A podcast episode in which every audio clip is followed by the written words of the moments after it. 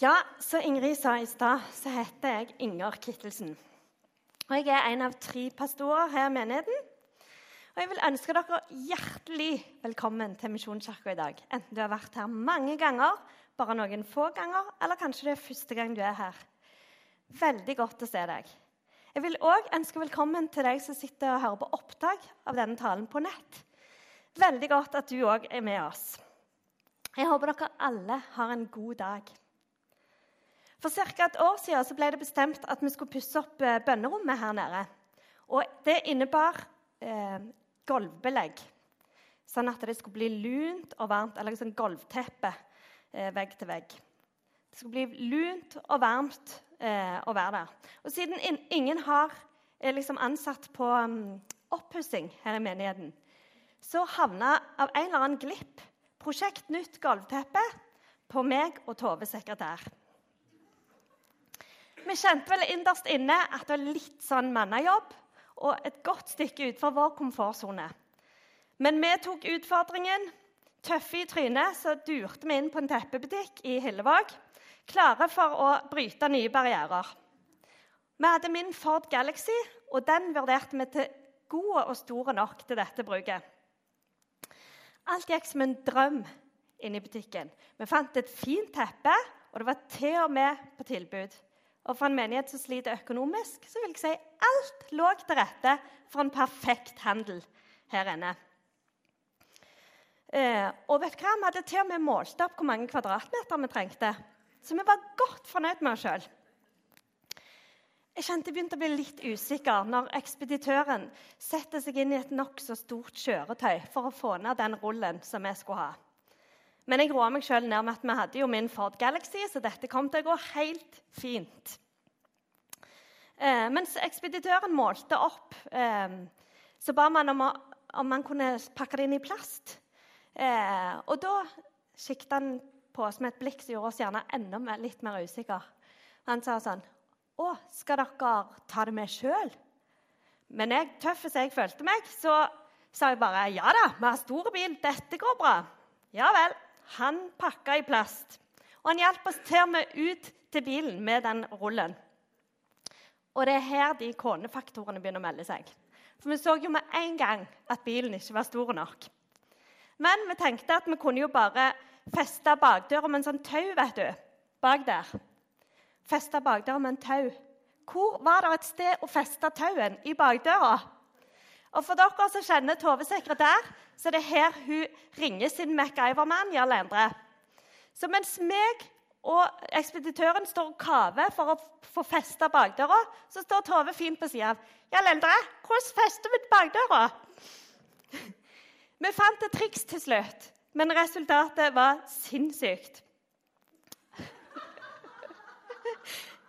Med en gang ekspeditøren hadde gått, så brølte vi av latter. eh, og Tove hun måtte sitte og tviholde på denne rullen he hele veien tilbake igjen. Og jeg måtte nøye meg med å høre henne, for hun er ikke spesielt høy, denne dama. Så det var eh, helt utrolig.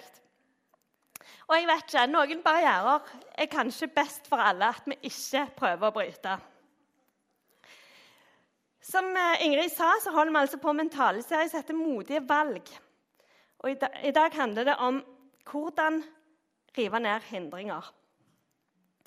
Eh, I kapittel 6 i Osvas bok så leser vi om muren rundt Jeriko, som var en solid hindring for Josva og israelsfolket i forhold til dette å innta byen Jeriko. Bymurer er jo ikke spesielt utbredt nå. Men vi mennesker står overfor mange barrierer. Og vi ser at flere, flere barrierer eh, blir brutt òg. Sånn at mennesker har vært på månen, vi har reist rundt jorda. Og telefonen og Internett har kobla verden sammen på en helt utrolig måte, som gjør at det ikke er noe til hinder å snakke med noen på andre sida av jorda. Og I dag har jeg lyst til å løfte fram en mann som heter Bill Stone. Han er en spennende mann som jobber med å utforske dype grotter i Florida. Skikkelig dype grotter. De setter sammen et team på alt fra 20 til 30 personer opp til 150 personer. Som reiser inn i kilometer lange og dype grotter, hvis ikke milevis lange. Og Dette kan de gjøre pga. at teknologien nå tillater det. Det er prosjekt som tar to til fire måneder. Og Da drar de dypere og dypere inn i disse grottene, så langt de kommer. Se det for deg. Det er helt mørkt og kaldt og gjerne dårlig luft. Eh, og her skal du være dag og natt i gjerne fire måneder. Du er fullstendig stuck med deg og teamet ditt. Og kommer stadig dypere og lenger vekk fra inngangen til denne grotta. Og Jo dypere de kommer, jo farligere er det. For de møter på sterkere og sterkere vannfall ofte, som de må passere. Og Her skal du altså slå leir og være 24 timer i døgnet i fire måneder. Jeg bare gjentar fire måneder. Uten lys. Det du ser av lys på disse bildene, er bare kunstig lys som er brukt kun for å ta bildene. Ellers er det helt mørkt. Når de ser etter folk til disse oppdragene, så sier de at de trenger folk som er humørfylte og sterke og har evne til å løse konflikter. Og det er gjerne ikke vanskelig å se for seg at det er en nødvendighet under disse forholdene. Bill sier med glimt i øyet at de aldri har sett noen underjordiske monstre når de har holdt på nede i disse grottene. Men seriøst så snakker han om etter tre dager så dukker det opp psykologiske monstre. Se for deg, Bare tenk den påkjenningen. Klaustrofobi, f.eks. Frykt og angst. Tenk alle de hindringene de må rive ned i løpet av en sånn ekspedisjon. De må bryte ned den ene komfortsonen etter den andre. Jeg har lyst til å vise dere et filmklipp som viser enda mer litt av eh, det de må gjennom, disse grotteutforskerne.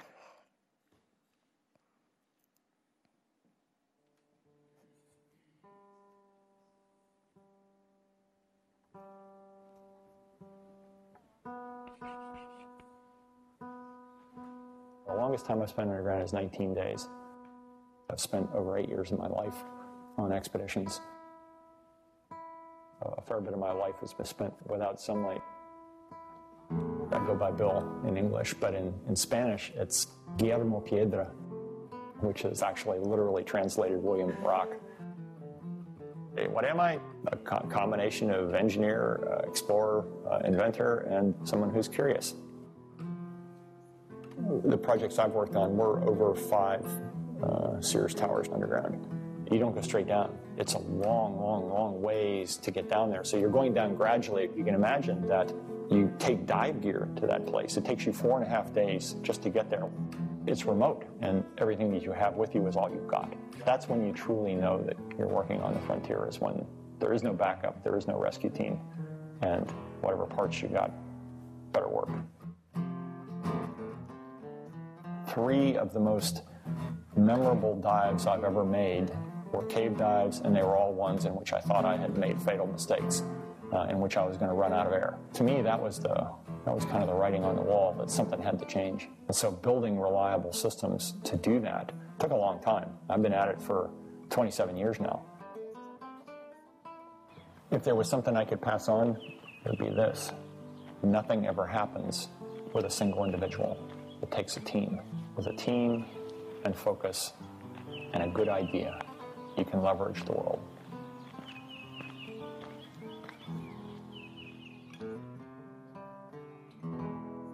Nothing is impossible.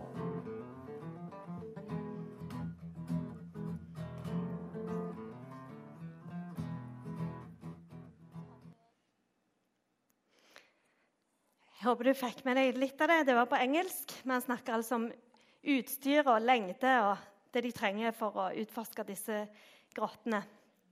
Jeg liker veldig godt det han sier helt på slutten. Han sier 'nothing is impossible'. Ingenting er umulig.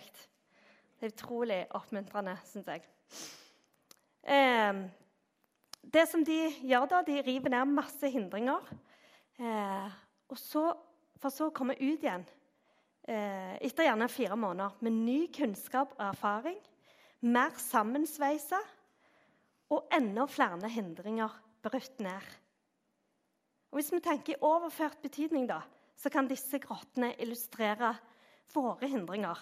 Det som vi eh, møter av utfordringer og hindringer eh, i våre liv. Når vi var små, så tenkte vi gjerne på det å være modige. Som det å operere litt på kanten. De som var litt sånn dristige, som turte å lure foreldrene gjerne og jukse på prøver og sånn. Men det å være modige er egentlig helt motsatt. Det er de som våger å være autentiske, ekte, sårbare. Være til stede. Våge å knytte relasjoner. Og våge å gjøre feil.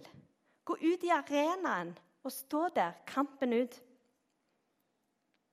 Det er et sitat som jeg har lyst til å ta med, av Theodore Roosevelt, som sier, oversatt på norsk Det er ikke kritikeren som teller, ikke den som peker på hvordan den sterke snubler, eller hvor den som gjorde noe, kunne gjort det bedre.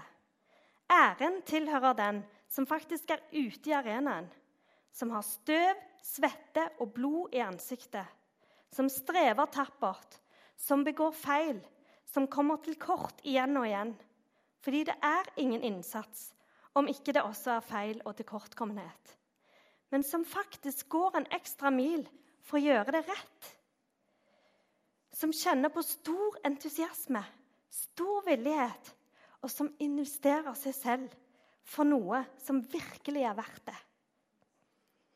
Som i beste fall vet han vil lykkes, og som i verste fall, hvis han mislykkes, i det minste mislykkes mens han våget stort.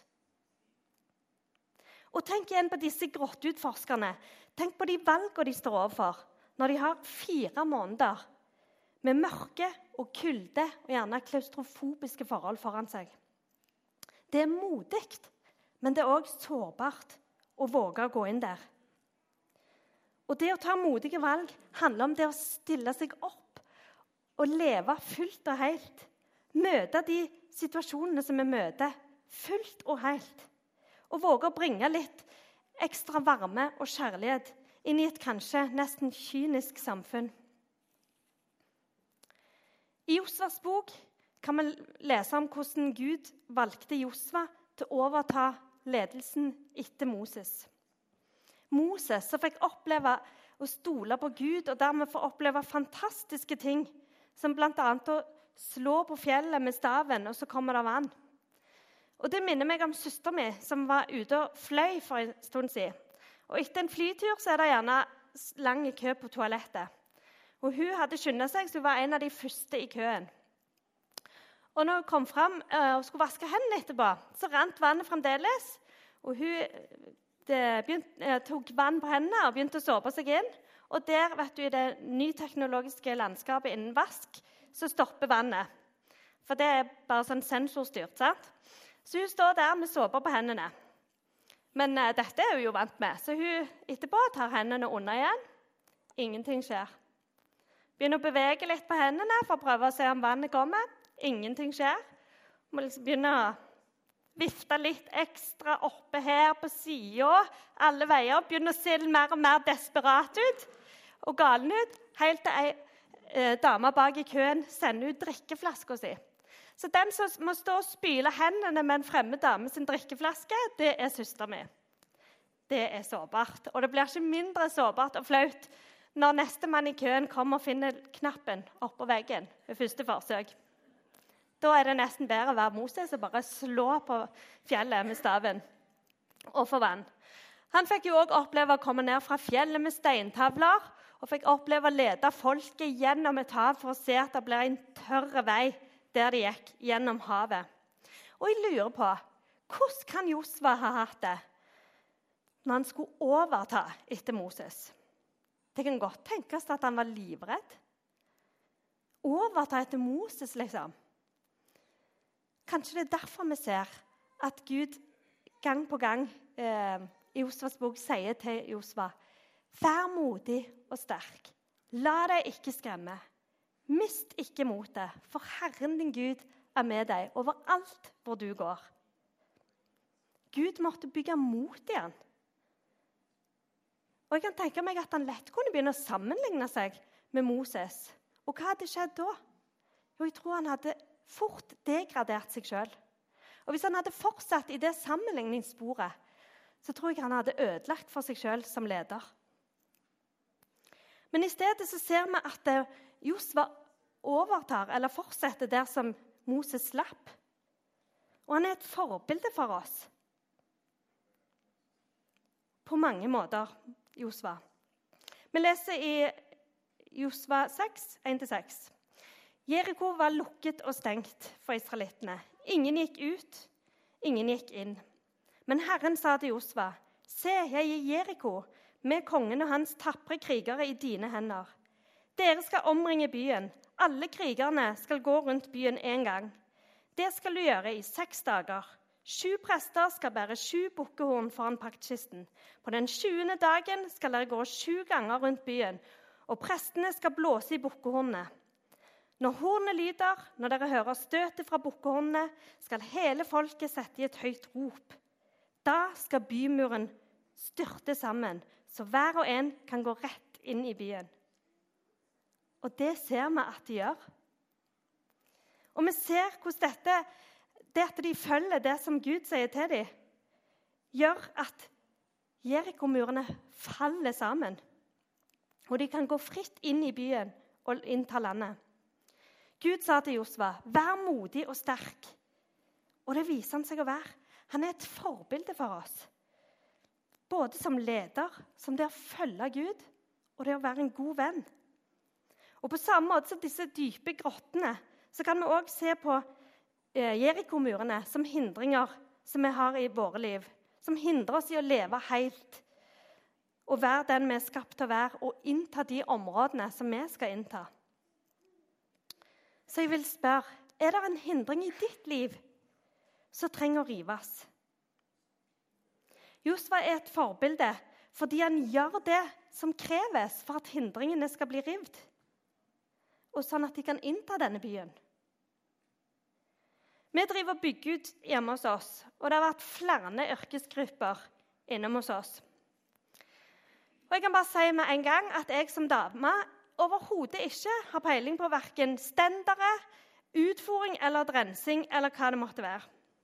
Og Her en dag så måtte jeg eh, på vegne av min mann gi en beskjed til en av rørleggerne som skulle komme, for vi skulle flytte et sluk.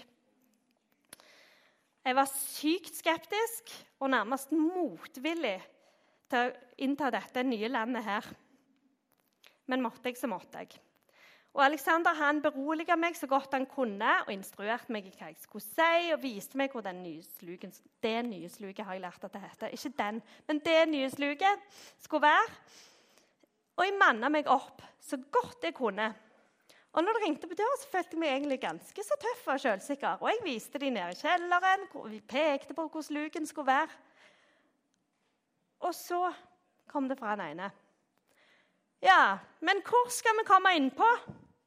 Hæ? Alexander hadde ikke sagt noen ting om at de skulle spørre meg om noe.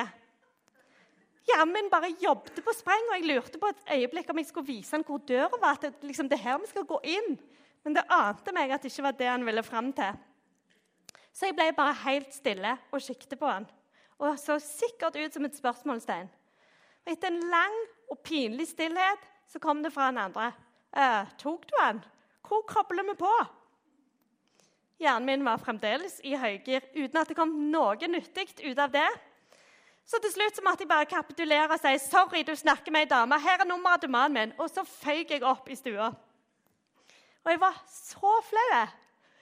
Og siden ikke gulv eller tak eller vegger var isolert på det tidspunktet, så hørte jeg de brølte av latter nede i kjelleren. Helt den ene sier den andre. Det var ikke mye å hente hos hun. Men det positive er jo at det kunne bare bli bedre etter en sånn episode. Det er liksom ingenting å være redd for etterpå. Men noen barrierer eller hindringer er blitt så store at det er det eneste vi ser.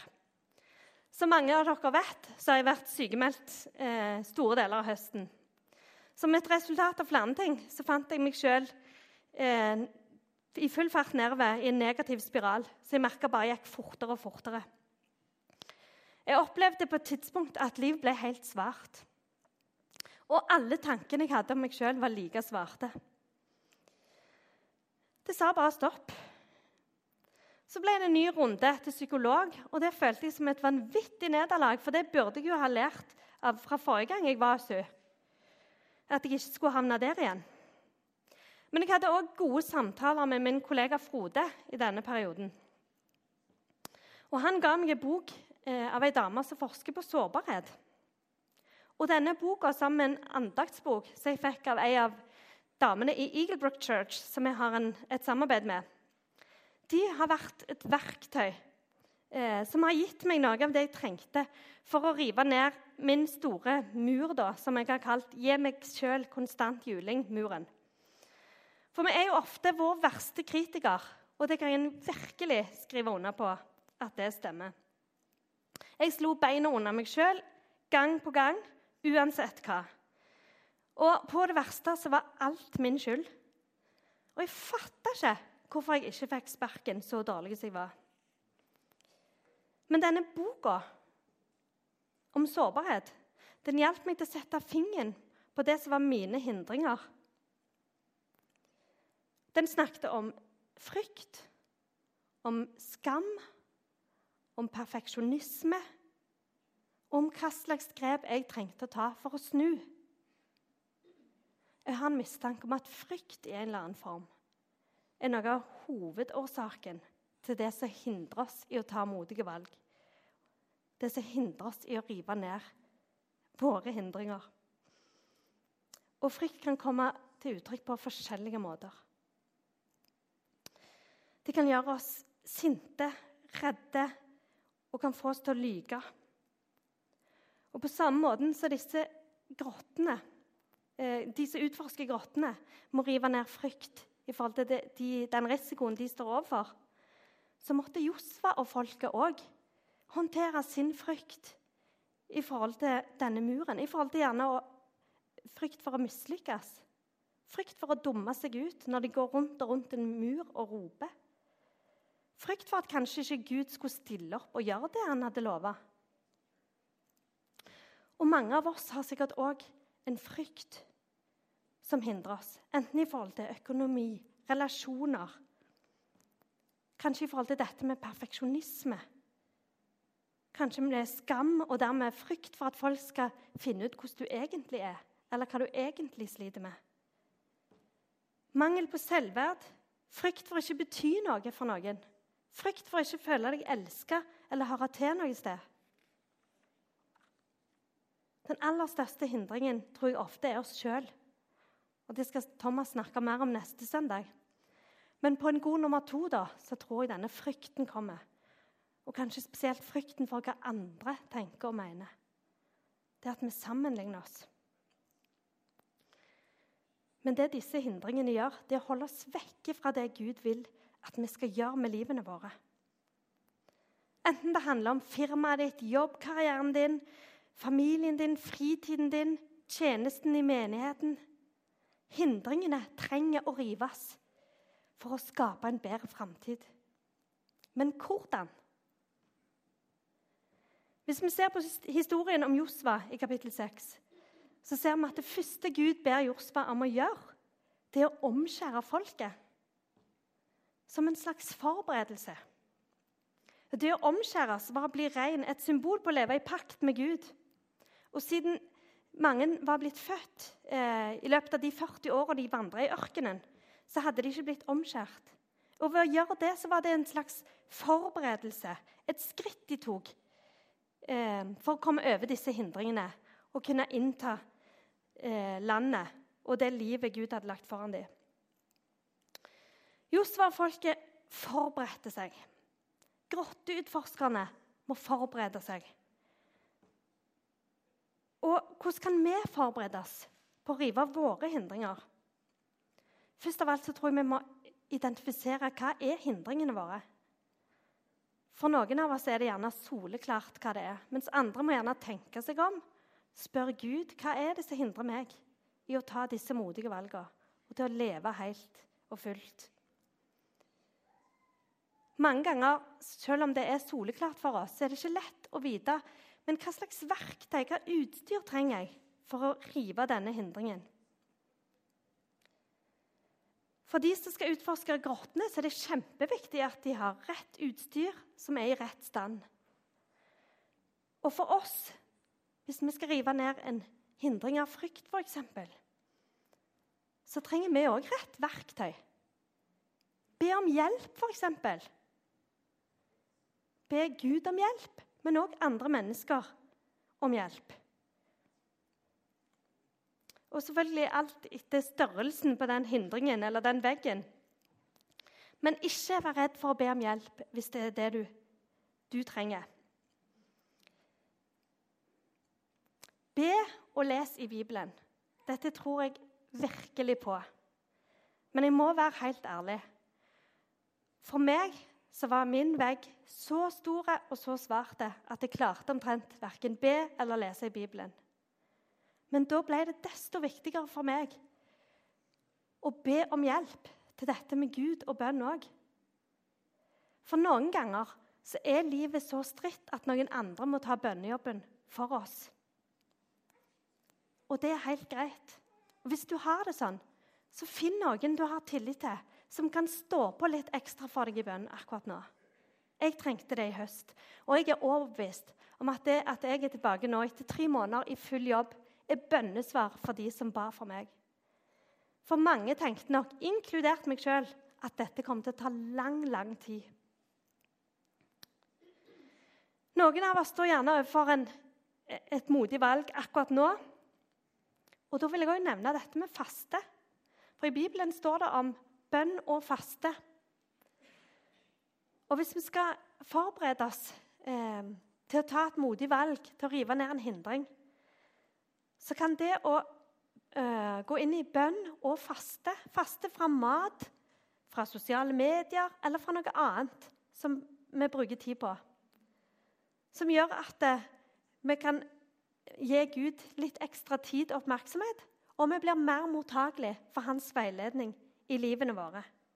Og Når vi skal ta sånne modige valg, så tror jeg bønn og faste og tid med Gud med Bibelen og alt er det beste vi kan gjøre. Og igjen avhengig av hvor stor denne hindringen er. Men det å ta opp telefonen for eksempel, og be om hjelp, kanskje til og med profesjonell hjelp, eller noen å gå sammen med, noen du kan dele frykt og skam så du stoler helt på. Og For min del så var disse bøkene jeg nevnte, spesielt viktige. Og Her skal du få se bilde av dem. 'Daring Greatly' heter en bok av ei som heter Brené Brown. Hun som forsker på sårbarhet, som jeg nevnte. Uh, og andagsboken 'Jesus Calling' av Sarah Young. Disse to sammen ble bare helt fantastisk for min del. Særlig denne 'Daring Greatly', altså det å våge stort, betyr det. Eh, burde vært livspensum for alle, mener jeg. Enten du er dame eller mann ung eller gammel, så lenge du klarer å lese engelsk, så tror jeg denne boka vil gi deg senka skuldre og mot til å leve fullt og helt.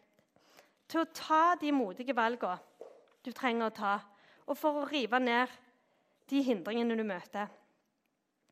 For meg ble dette en gavepakke fra himmelen, disse to.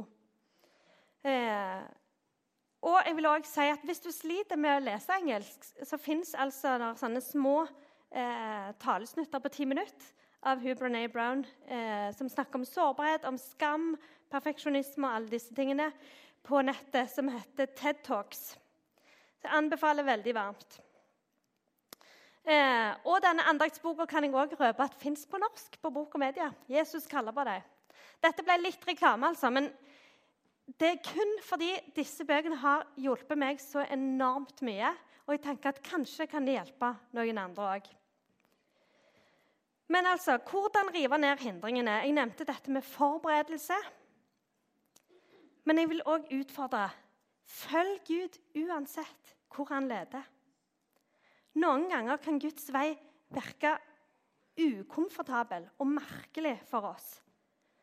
Sånn som for Josfa, for eksempel, som får beskjed om å gå rundt murene, for så å rope. Det må jo ha virka litt sånn fjernt. Og kanskje nølte han til og med litt. Men han valgte å gjøre det. Og Noen ganger ber Gud oss kanskje om å gjøre noe som koster litt, som er vanskelig. Kanskje han ber han oss om å ydmyke oss og be om hjelp til noe. Eller kanskje han vil at vi skal be om tilgivelse for noe til noen. Jeg måtte det. Og jeg fikk erfare at det er ikke alltid bare den andre sin skyld. Men uansett hvor svær du tenker at din hindring er, så har jeg lyst til å berolige deg med For jeg føler jeg har litt erfaring nå til å berolige deg med at Gud er stor nok. Min hindring handler bl.a. om at jeg sa negative ting til meg sjøl. Og det begynte med små ting. Det begynte med at jeg ikke sa takk når jeg fikk et kompliment. Og dermed så låste jeg muligheten for å ta imot noe positivt. Og så begynte jeg å si til meg sjøl at jeg ikke fortjente disse komplimentene. At jeg ikke var god nok og aldri gjorde nok, osv. Og, og, visste, og så endte dette med at jeg til slutt levde i en tro på at Jesus elsker alle andre, men ikke meg. Og jeg vet jo at det står jo ikke i Bibelen. Men jeg klarte ikke å korrigere det for meg sjøl. Og på et tidspunkt så ville jeg bare vekk fra dette livet. Og til og med i det mørket så var Gud stor nok. Jeg hadde noen sterke opplevelser med Gud i denne perioden, der jeg fikk kjenne på en enorm fred. Men for hver gang jeg hadde en sånn opplevelse, så følte jeg jeg ramla dypere ned i mørket. Jeg følte at det, akkurat som Gud løfta meg opp, for så å slippe meg ned igjen. Og ble nest, Det ble nesten en sånn ny hindring eller en ny frykt for meg, dette med å møte Gud. For jeg var så redd for at hvis Gud møtte meg, så kom jeg til å havne enda dypere ned. Jeg snakket med min kollega Frode om dette. Og han hjalp meg til å, til å rive ned denne hindringen med å si dette. Inger, kanskje det ikke er sånn at Gud løfter deg opp for å slippe deg igjen. Kanskje er det sånn at Gud kommer ned til deg der du er. Og der som du er, der står jeg. Der står Greta, der står Thomas, der står alle. Det ble et vendepunkt for tanken min som hindra meg. Fordi at jeg tenkte at jeg måtte være god nok for Gud. Vær modig og sterk. La deg ikke skremme. Mist ikke motet, for Herren din Gud er med deg overalt hvor du går. Uansett om din hindring er relasjonell, emosjonell eller finansiell, så vet jeg at Gud ønsker å lede deg, så dere sammen kan rive ned hindringen. Og han vil alltid det beste for deg. Det begynner altså med forberedelse. Finn ut hva som hindrer. Finn noen å gå sammen med. Be om hjelp. Følg Guds ledelse uansett hva og hvor. Han vil alltid det beste for deg. Og til slutt så har jeg lyst til å si gjennomfør ekspedisjonen. Ingenting er som kommer ut på andre sida, sånn som disse som utforsker grottene.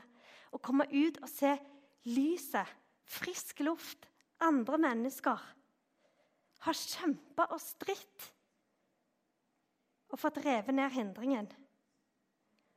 Og som Josva, seieren over å se at muren faller. Få kjenne at en vågte å stå der, kampen ut. At en vågte stort. Og selv om jeg så alt svart og alt var vondt, så sier jeg nå helt bånn ærlig at det var verdt det. For når jeg får lov å se tilbake og se at jeg aldri var alene Få se at Gud var der hele tida. Det er helt fantastisk. Vær modig og sterk. La deg ikke skremme. Mist ikke motet, for Herren din Gud er med deg overalt hvor du går. Skal vi be. Herre, jeg takker deg for at du har vært med, med meg gjennom alt eh, i denne perioden, Herre. Takk for at du har gitt meg verktøy til å rive ned de hindringene som jeg trengte å rive ned. Og takk for at det er ingenting du mer vil enn å hjelpe hver og en her inne til å rive ned de hindringene som de måtte stå overfor. Takk at du elsker oss med en evig kjærlighet. Takk at du heier på oss. Takk at du vil oss kun det beste. Og Herre, jeg ber om at du skal tale til hver og en her i dag, Herre.